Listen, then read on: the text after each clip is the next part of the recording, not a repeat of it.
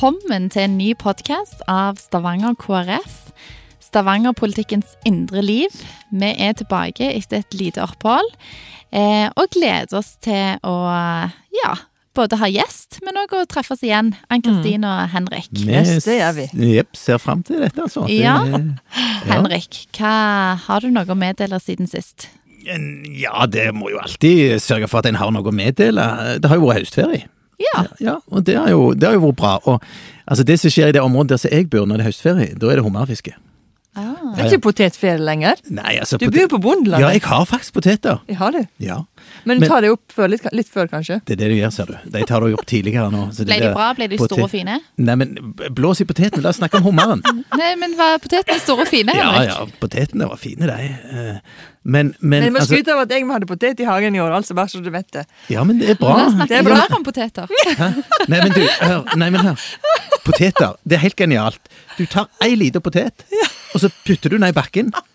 Og så går det to måneder, og så tar du opp sju. Ja, det er sant! Ja, men er ikke det Og neste år skal jeg ha en mye større potet dere. Ja, ja.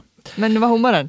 Ja, det var, dere vil ikke snakke om den. Jo, jo, jeg. Men altså, jo, jo, jo. Kom meg til så er det- hummeren. For meg så er det en stor del av livet. Det er min hobby. Det, det, det er det som foregår en måned i, i hvert år i, i Har du fått noen, da? Ja, jeg får, men dere får ikke vite hvor mange. Men du, Ah. inviterer oss på hummermiddag, da. Det kan jeg gjøre. Ja, det jeg utfordringen var gitt. det. Det var utfordringen gitt.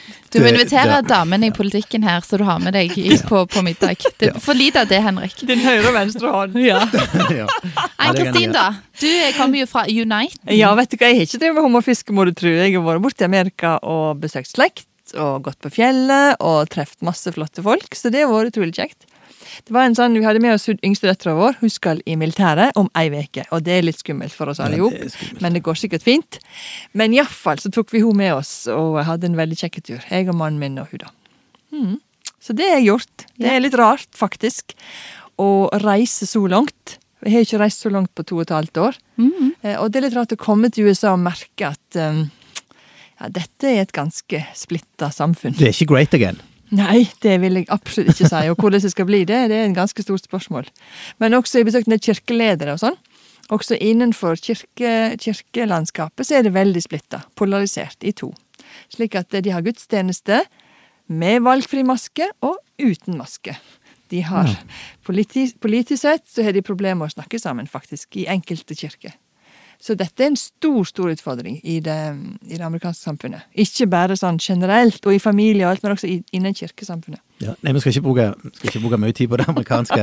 Men, men vet du hva? Bare i forbindelse med regjeringsskiftet som har vært her nå. Sant? Så når vi ser hvor smooth det går Altså Du så hva som skjedde på Kongsberg, for eksempel. Midt i et regjeringsskift, Allikevel så går det. Ja. Jeg hørte jo at i Det hvite hus så var det sånn at når de nye kom, så var det ingen. Altså Det var ingen over, det var ingen som snakket i lag i det hele tatt. ikke det er litt rart? Jo, men også var det jo ekstra påfallende sist overgang, når det ble storming av Det hvite hus. Og du så at det utenriksministeren som har vært før, utenriksministeren kommer nå, gikk hverandre en klem. Ja. Da tenker jeg at dette Og hvordan Erna omtalte Støre, og omvendt. Ja. Altså, det var jo Var det bra i Norge? Ja, vi har det veldig bra. Ja, jeg tror vi har det bedre enn vi er klar over, faktisk. Og du, da? Jo, jeg har hatt en, også en fin høstferie. Vi har eh, vært og reist litt eh, bare på hytter og sånn. Så jeg skjønner at neste gang vi skal ha en ferie, da skal jeg lenger enn på hytta. Da skal jeg pitle mann til Amerika eller et eller annet. Og jeg, jeg tror jeg kommer til å like Amerika, selv om det har vært eh, oh, ja. mye politikk, så har eh, vært litt vanskelig der borte, så er jeg så glad i Amerika. Så jeg kjente jeg hadde en liten sånn i magen når jeg så bilder av deg, Ann-Kristin, i USA. Da tenkte jeg åh, det må ikke bli for lenge til. Jeg er veldig glad i USA. Men vi må, vi må videre, for her kunne vi stått og radla lenge. Eh, Det tror jeg ikke hadde blitt fullt så spennende, og vi har med oss en kanongjeve gjest. Jips, det har vi. La meg få introdusere. I dag har vi med oss Daria, som er gruppeleder for Miljøpartiet De Grønne i Stavanger. Eh, ja, det er stort. Hun er datter av to profesjonelle ballettdansere. Altså, det er der få av i Stavanger, tror jeg. Og så har du en eh, tydelig og klar stemme i Stavanger-politikken, Daria. Du, er, du sitter i formannskapet og i kommunalstyret. Kommunalutvalget. Kommunalutvalget, unnskyld. Eh, og du har tre barn, og du er òg eh, sammen med en, eh, en kollega i ditt eget parti som, eh, som vi òg kjenner fra politikken. Velkommen! Tusen hjertelig takk. Kjempekjekt å komme og Ja, være invitert. velkommen. Ja, dette var, dette var stas. Nå har vi jo hatt en del eh, gruppeledere, men vi, vi ville ikke glemme deg, for du er òg en veldig vesentlig del av Stavanger-politikken. Hvordan kom du inn i politikken, Darja?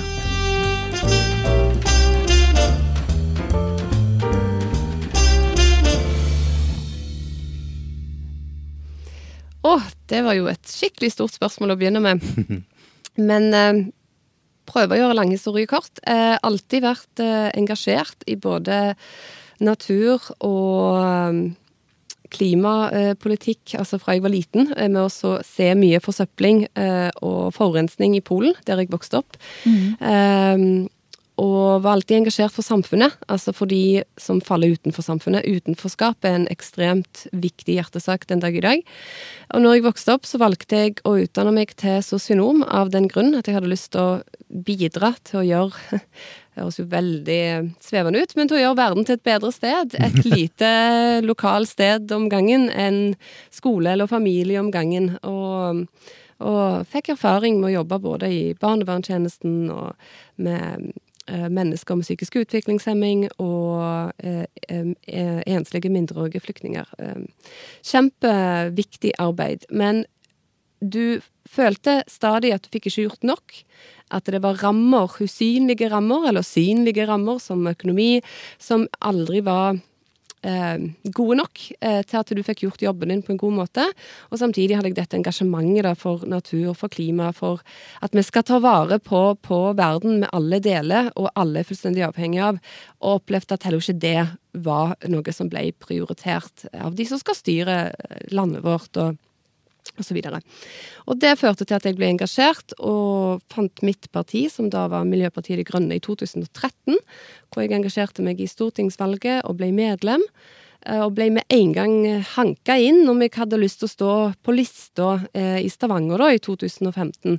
Og sa ja, for det var jo sånn langt ned, var plass nummer ni. Og, ikke- Ingen fare, ikke liksom. Ingen fare. ja, typisk. Men så trekk, trakk seg hun som sto på plass nummer fire, eller var det fem? Eh, det husker jeg ikke engang. Så, jo, fem tror jeg det var. Så da kom jeg inn på plass nummer fem. Og fortsatt med den eh, at jeg, nei, da kom jeg jo ikke inn, vi hadde jo bare én mann inne fra før, Torfinn Ingeborg Ruud. Eh, Men vi gjorde et vanvittig godt valg og kom inn med fire stykker, hvor jeg fikk da litt mer stemmer enn eh, han som sto på fjerdeplass, og kom inn dagen derpå, dagen etter valget, som nummer fire i kommunestyret. Helt fersk politiker.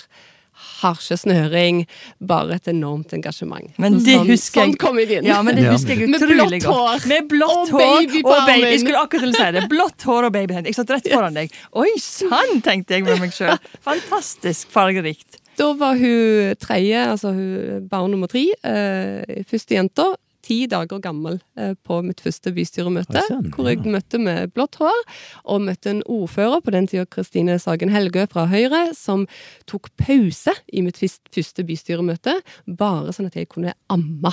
Så det var bare Ja. helt utrolig, og en ting som jeg òg ga mye heder for når hun gikk av, at eh, hun var en eh, ordfører som faktisk også tok kvinner på alvor, og at kvinner skal kunne delta i politikken. Også når vi får barn. Men kan ikke du si litt Du er jo, du er jo heter jo eh, Hvordan sier vi det? Sjumanuk? Sjumanjuk. Sjumanjuk, ja. Du er jo, du er jo polsk. Ja, Kan ikke bare si litt hvordan du kom til Norge, da? For det er jo litt interessant, det òg. Du er jo ballettdanser, ja. Det var jo foreldrene dine, men, men eh, Ja, eh, jeg er født i 1983 i Polen, og bodde da i, rett ut forbi Gdynia, som er en del av eh, trippelbyen Gdynia Sopot Gdansk, hvor mange har sikkert reist til. Eh, og far min sin familie og far min bor i Gdansk. Eh, og mine foreldre ble skilt ganske tidlig, jeg var bare tre år. Eh, og når jeg var sånn rundt åtte eller noe, så ble mor mi invitert på diskotek, og jeg sa hun måtte bare gå og kose seg med venninna si, og så traff hun en norsk mann som var skipsingeniør i Gdynia. Og sånn starta det. Så ble de kjærester, og han fridde til henne, og vi flytta til Norge da når jeg var elleve år, i 1995, til Kopervik på Karmøy. Derfor du har litt sånn kopper, litt Du Kopervik. hører det av og til. Litt, ja. Selv om jeg blir engasjert. Men jeg, jeg må jo si altså, jeg er sånn, sånn i overkant interessert i hvordan ting blir til, liksom, altså, hva som skjer. Og det som forundrer meg hver gang, det er jo hvor mye tilfeldigheter det egentlig er. For det er jo det som er Altså, det at mor di gikk på diskotek eh, Akkurat den Du kunne jo sagt nei. Eh, Ja. Nei, du må være hjemme med meg, for jeg er litt sånn, sant? Ja. Så akkurat, det er jo det, Er ikke det litt rart? Ja, veldig rart. Det er jo litt den der om man tror på skjebnen eller ikke òg, vet du. Ja ja, der er jo noe der. Det er Helt sant. Men Daria, Darja, du, eh, det var spennende å høre på egentlig din vei inn i politikken. Og jeg tror det er hjertet ditt for disse som òg er utenfor, særlig jeg som har stått i oppvekst med deg, det er lett å få synet på, for å si det sånn. Eh, og jeg tenker liksom litt som så, var det liksom helt gitt at det skulle bli Miljøpartiet De Grønne? Eller eh, var det andre partier, KrF eller andre, som ble vurdert? Ja, nei, det, det er et veldig godt spørsmål, og, og det er jo viktig å si at det, først og fremst så finnes det ikke ett parti som man er 100% enig med. Det tror jeg eh, er viktig å få frem. Um, uansett hvilket parti man vurderer, så vil det aldri være 100% match, og det skal det heller ikke være. Fordi man skal jo forandre det, og et parti skal være dynamisk og vokse med sine velgere og, og kunne forandre seg. Um, for min del så sto det mellom flere ting. Uh, utrolig opptatt av at de som faller utenfor, ikke faller utenfor. Og der eh, som igjen eh, født i Polen og nå har vokst opp i Norge og, og er norsk. Eh, velferdsstaten vi har, eh, det er noe Norge skal være vanvittig stolt av. Den skandinaviske modellen er jo verdenskjent som Ja, en det- modell som fungerer, som bidrar til at mennesker eh, har et sikkerhetsnett, enten de blir syke eller eh, opplever depresjoner, eh, død, eh, skilsmisse. Det er, så, det er så mange ting som skjer i løpet av livet, og, og alle har ikke den samme utgangspunktet. Men velferdsstaten, fellesskolen, alt dette gjør at vi får iallfall mer like muligheter. At hvem dine foreldre, eh, om de er rike, om de er utdanna, om de er gift eller skilt, om du har ti søsken eller null, eh, ingenting av dette skal ha iallfall nevneverdig betydning for dine muligheter til å komme deg opp og frem i livet. Og der er jo f.eks. kontrasten enorm til USA kontra Norge, hvor, den, hvor du er født, og den du er født til, mer eller mindre bestemmer din, forsegler din skjebne, som er jo tragisk. Og, og dette er noe som for meg har vært svært viktig, da, at det er partier som, som både verner om og helst er opptatt av å bygge ut den velferdsstaten vi har. Eh, og så er det selvfølgelig et komplisert spørsmål i forhold til økonomi, hvor man har de store skilnadene mellom venstre- og høyresiden i politikk, hvor høyresiden er mer opptatt av at vi må ha et levende næringsliv for å ha de pengene vi trenger for å investere i velferdsstaten, men venstresiden ønsker å bygge ut velferdsstaten for at vi det har flere som kan søke seg mot næringslivet. Og det, høna leker spørsmålet er ikke altså, The jury's out on that one ennå, hva som er best. Men eh, for meg er det viktigste i hvert fall at et parti også er grønt, og ikke grå. Uansett om de er på venstre- eller høyresiden i politikken. Så dette med på en måte forsøpling og dette med forurensning og Ja, dette var et engasjement du egentlig tok med deg eh, fra ditt andre hjemland, eh, Polen, sånn som jeg forstår deg da. Så jeg vokste opp i under kommunismen og postkommunismen i Polen. Født i 83, Berlinmuren faller i 89. Eh, hadde, det var der kommunismens fall begynte, med solidaritet og La seg dansk, hvor mine foreldre var svært aktive.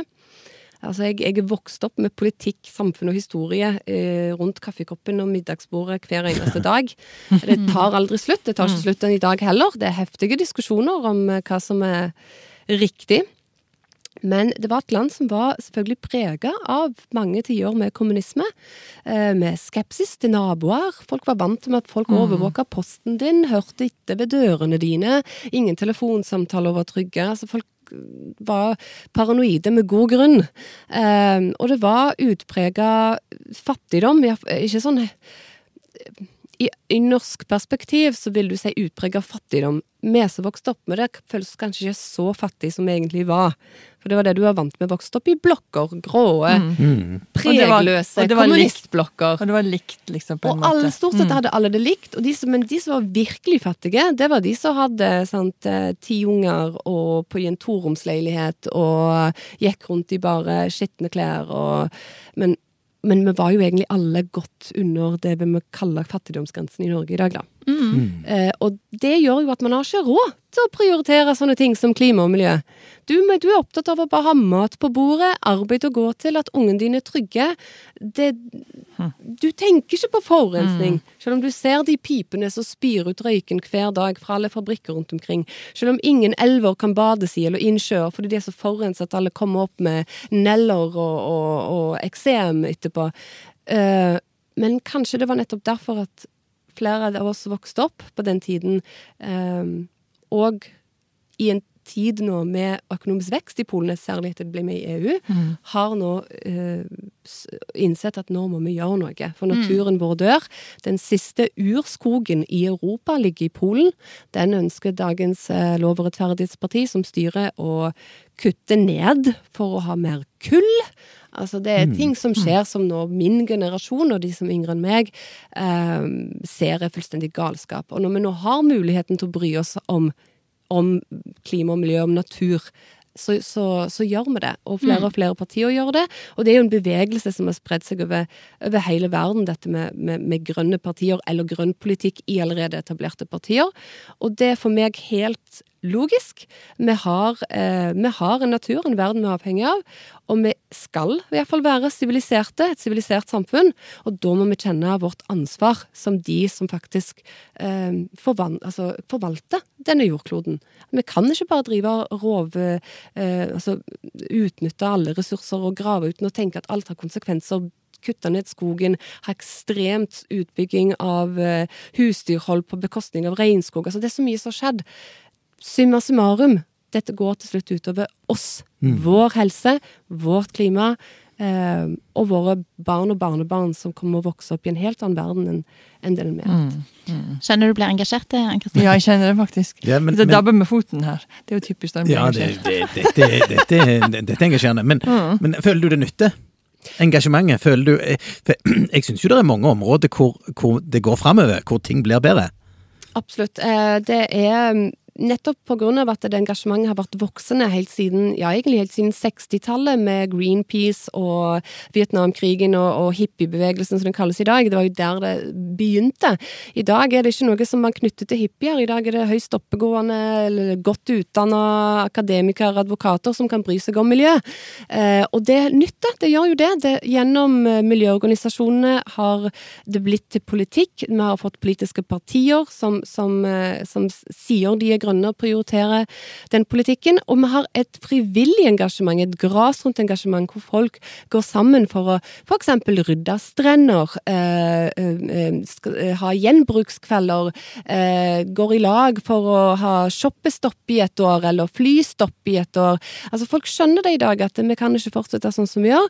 Og teknologien alene kan ikke redde oss ut av dette, vi må også gjøre en innsats sjøl. Og, ja, det nytter. Og det, det mener jeg er ganske vesentlig, fordi at eh, jeg snakket med en som, som underviser i forhold til bærekraft på Universitetet i Trondheim, og han sa det at vi er litt, kanskje litt for mye opptatt av hva skal industrien gjøre, hva skal de, alle de der eh, store gjøre, men hva med deg sjøl, hva med den enkeltes forbruk, hvordan skal vi på en måte redusere dette? Fordi at, for Det er klart at det er lettere å tenke på alle andre, men vi må faktisk ta et ansvar i vårt daglige liv og i våre holdninger til både forbruk Og andre ting. Og det er jo det som utfordrer mange av oss som tenker at eh, det å komme seg ut av fattigdom, det krever ofte bruk av energi. Det krever ofte at en forvalter, at en benytter seg av noen ressurser. Vi har jo hatt vår velstandsutvikling òg fordi at vi har hatt god tilgang til energi. Vi har hatt tilgang til olje og gass, f.eks. i Norge. Og elektrisitet. Ja, Strøm. Absolutt, Mm. og fornybar. Og jeg tenker at det er veldig viktig for meg at vi òg anerkjenner at land som ikke har hatt den utviklingen, som ennå ligger langt, langt bak, og som strever både med fattigdom og med, med store utfordringer, at de skal få lov å ha At nå, nei, nå skal vi bli grønne, nå skal vi ikke bruke mer energi. Nei, det syns jeg er rett og slett litt urettferdig. Jeg syns at det er på tide at det, vi eventuelt tar de personlige kuttene i vår vanvittige velstand for å legge til rette for at faktisk noen skal få lov til å forurense noe. For det er òg nært kobla opp mot en velstandsutvikling som noen ganger gjør at det krever at du må kunne ha noe utslipp. Så hvis de skal ha utslipp, så er det andre enn oss som står i første rekke i denne omgang. Og så håper vi jo selvfølgelig at vi skal kunne ha en velstandsutvikling og en utvikling i alle land som ikke fører med seg den forurensningen, for alle er vi jo enige om at vi ønsker minst mulig forurensning. Men det var det som gjerne var mitt spørsmål. Er ikke dette noe som alle partier er nokså opptatt av? At vi alle er opptatt av at strendene og havet skal være ryddig? At vi ønsker grønne, gode lunger? At vi ønsker frisk luft? Jeg syns jo til og med Høyre og langt inn i Frp så snakker en jo om, om disse tingene. Trenger vi grønne partier for å være opptatt av klima? Ja, det, der er du inne egentlig på, på det aller viktigste debatten, iallfall når det gjelder grønn politikk. Eh, når Miljøpartiet De Grønne kom som et, eh, som et parti og snakket om alle disse tingene som du nå nettopp sa, så ble de avvist eh, og latterliggjort og vist til norsk økonomi, ikke minst når det gjelder eh, avhengigheten av olje og gass. Um, det er ingen som har bygd ned mer natur enn de siste ti årene, f.eks. Um, Rogaland, vårt eget fylke, er på topp i Norge på nedbygging av natur. Men alle disse partiene som nå snakker om grønn politikk, og de har faktisk aldri snakket så mye om grønn politikk som de gjør i dette valget, nå nettopp i stortingsvalget. De har begynt å gjøre det fordi noen partier har gått foran og krevd og snakket om det til de nesten folk har blitt lei av å høre på det.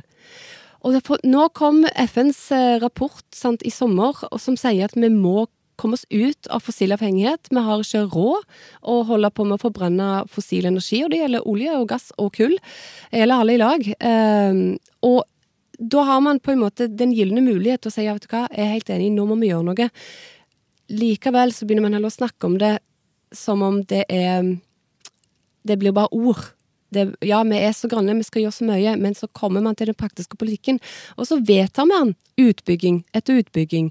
Større vei, mer tunneler, eh, nye boligområder langt vekk fra kollektiv, og man for hver bit så rives det natur, det rives matjord, det er lengre kjørevei.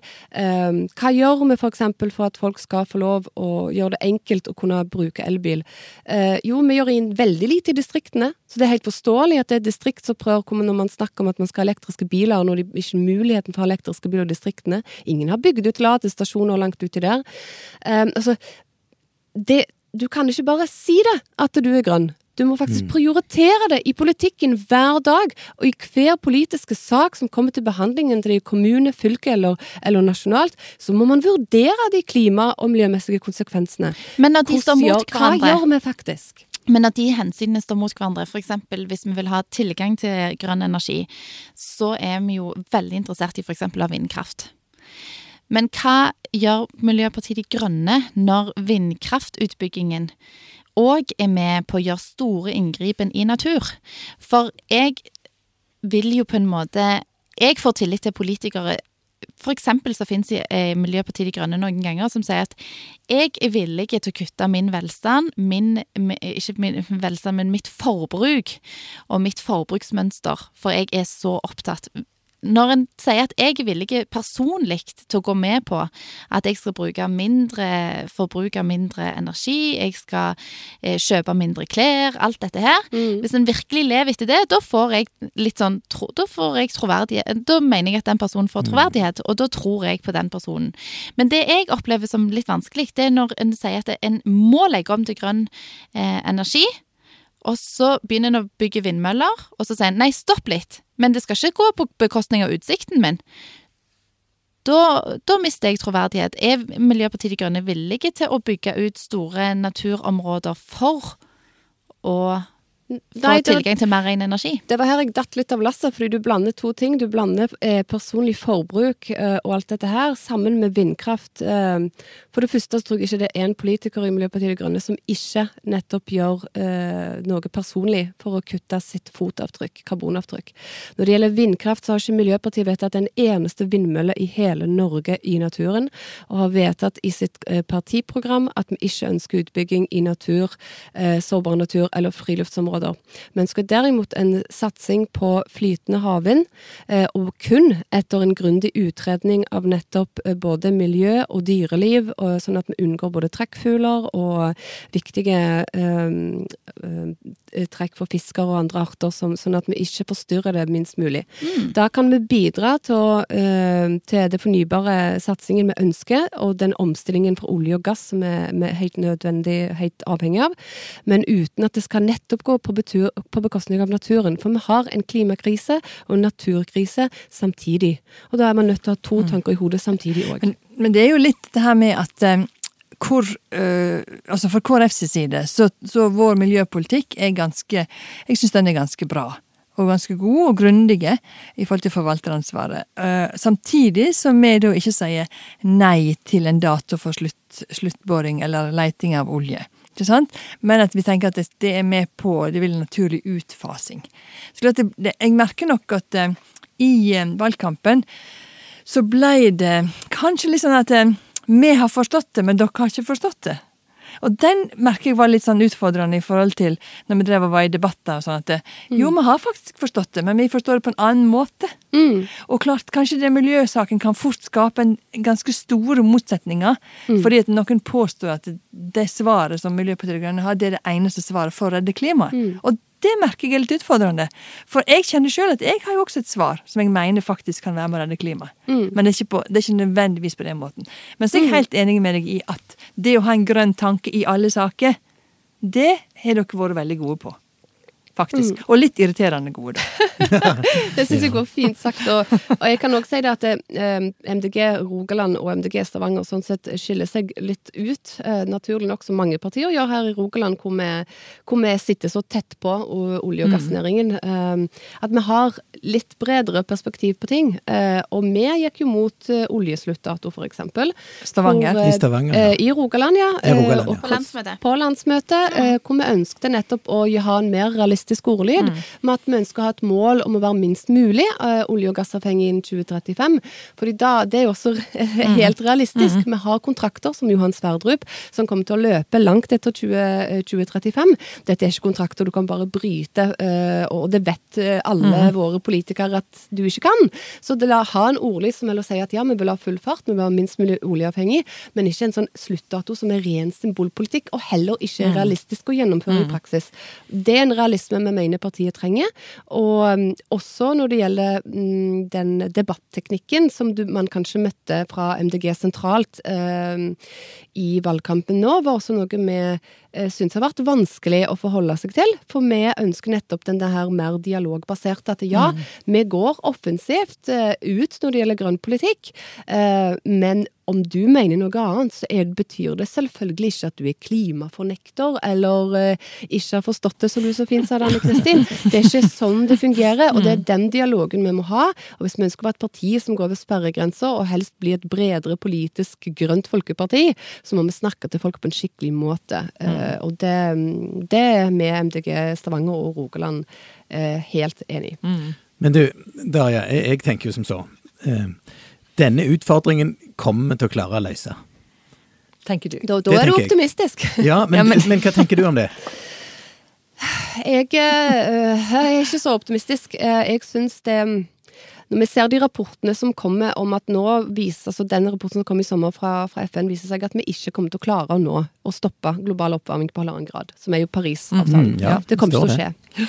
Uh, I verste fall, altså de verste scenarioene, har vi tre eh, graders oppvarming. Tre graders oppvarming, Mm. det er katastrofe, altså. Det er ikke dommedag, det er ikke sånn at hele verden koker. Nei, men det er for mye. Det er greit. Det er Ja, ja, en stor, en veldig stor del av jorda, den langs ekvator, kommer til å bli umulig Mm. å dyrke mat på. Vi kommer til å ha opptil én milliard klimaflyktninger.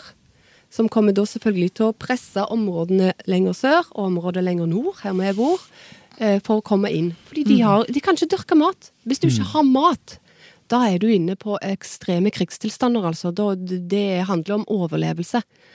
Og, og den, eh, den skremmer meg. Den skremmer meg helt vanvittig at vi kan komme dit, at våre barn og barnebarn kan vokse opp i en verden hvor én milliard mennesker ikke har tilgang til mat fordi de ikke kan dyrke det, fordi det er ubeboelig. Eh, det skremmer meg veldig.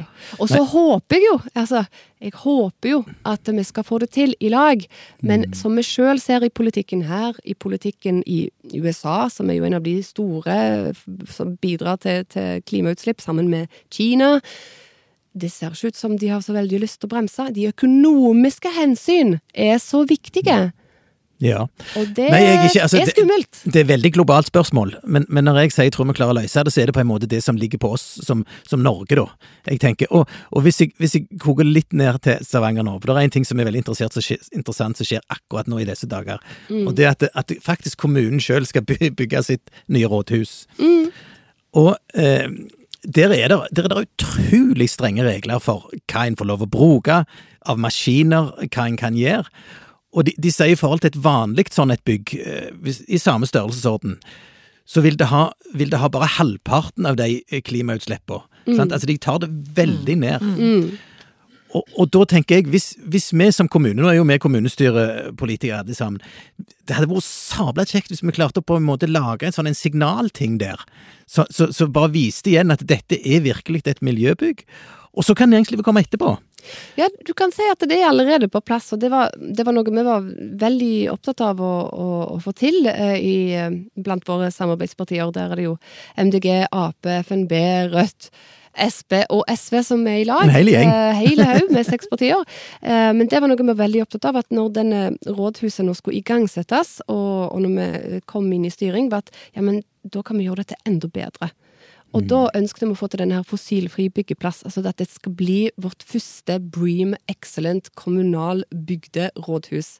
Og den skal være med solcellepaneler. Den skal hente sin egen strøm. Den, eh, det er både fjernvarme og, og solpaneler. Og det er, som du nettopp sa, Henrik, ingen eh, Alle maskiner som bygger det, har ingen utslipp. Og, altså det er et helt fantastisk prosjekt, og det kommer til å vise igjen når det er ferdig. eh, på, en, på en veldig god måte. Eh, og ikke minst også dette med gjenbruk. At vi gjenbruker møbler, gjenbruker det vi kan, for, istedenfor bare å kjøpe nytt. For det handler jo også om dette her med forbruk, og, og at vi også Og kan ha mindre gjenbruk forbruk. er jo så i tiden, og det syns jeg er så kult òg, at i koronatiden så er det en av appene som betydelig har gått opp i trafikk i Norge. Det er finn.no. Sjøl har jeg innreda hele stua mi med gjenbruksmøbler, og det er jo på en måte noe som helt sånn reelt sett oppleves bra. At vi ikke bare kjøper og kaster, kjøper og kaster. Det er jo så lite tilfredsstillende å kjøpe ting som senere bare kastes. Jeg merker det litt i forhold til leker til ungene. Mm. Der er det av og til litt sånn å, du hadde en bursdag, og så måtte du kjøpe noe, og så ble det jo ikke så suksess. Masse plastikkbiter, og så kastes det. Mm. Det er så lite tilfredsstillende. Så det med gjenbruk, det mener jeg jo er en av miljøbevegelsens eh, kanskje det er mest viktig, spennende, Ja. spennende Ja, punkt. Og det er jo litt kult at i rådhuset vårt så blir det gjenbru gjenbrukt ting som, eh, som har vært i rådhuset. Ja. Mm. Og det er jo kult. Ja, og så tenker jeg også, det er jo, dette, men det blir jo dyrt, da. Så det er jo en pris å betale for dette. Så det er jo det som på en måte gjerne kan, kan være det som utfordrer. Men du nevnte på tidligere, når vi snakket på forhånd, dette marin forsøpling. Ja. Henrik. Ja. Bare for liksom å snakke om noe som faktisk der ser en endring, så vi kan på en måte løfte litt av den positiviteten. For jeg ser at vi kan fort komme inn i den der eh, angst for hva som kan komme til å skje forover, framover. Vi må på en måte tenke at vi må holde litt fast i at det, det skjer jo noe Meg og Henrik har jo ikke angst. Vi tror jo vi klarer det.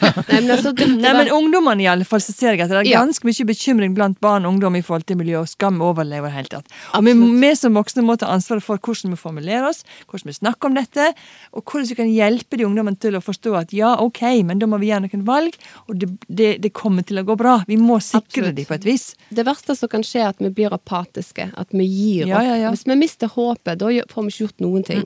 Eh, Vi kan ikke miste håpet noen gang. Uansett hva som skjer med verden, så må vi stå sammen og prøve å gjøre det beste ut av det. Og Det er jo den budskapet vi må, må formidle til våre barn. Og der er jo akkurat det med marin forsøpling for eksempel, veldig Ja, interessant. veldig. Fordi vi har, eh, vi har jo gitt støtte til mange organisasjoner så, som holder på å jobbe med f.eks. strandrydding. Men vi har også en haug med frivillige, familier og folk som nettopp ønsker å ta med ungene på noe, for å vise dem at det er mulig å gjøre noe med, med plastproblemet. Og gå på våre strender, gå i våre friluftsområder og plukke plasten. Og ikke minst formidle til våre unger eh, Kast søppelet ditt i båset, for ellers så havner det faktisk Kaste i i naturen. Kast det i båset, vær flink, ikke hiv ting rett ut eller rett på bakken. Eh, og det er holdninger som, som er utrolig viktig å, å, å innprente på de tidlig.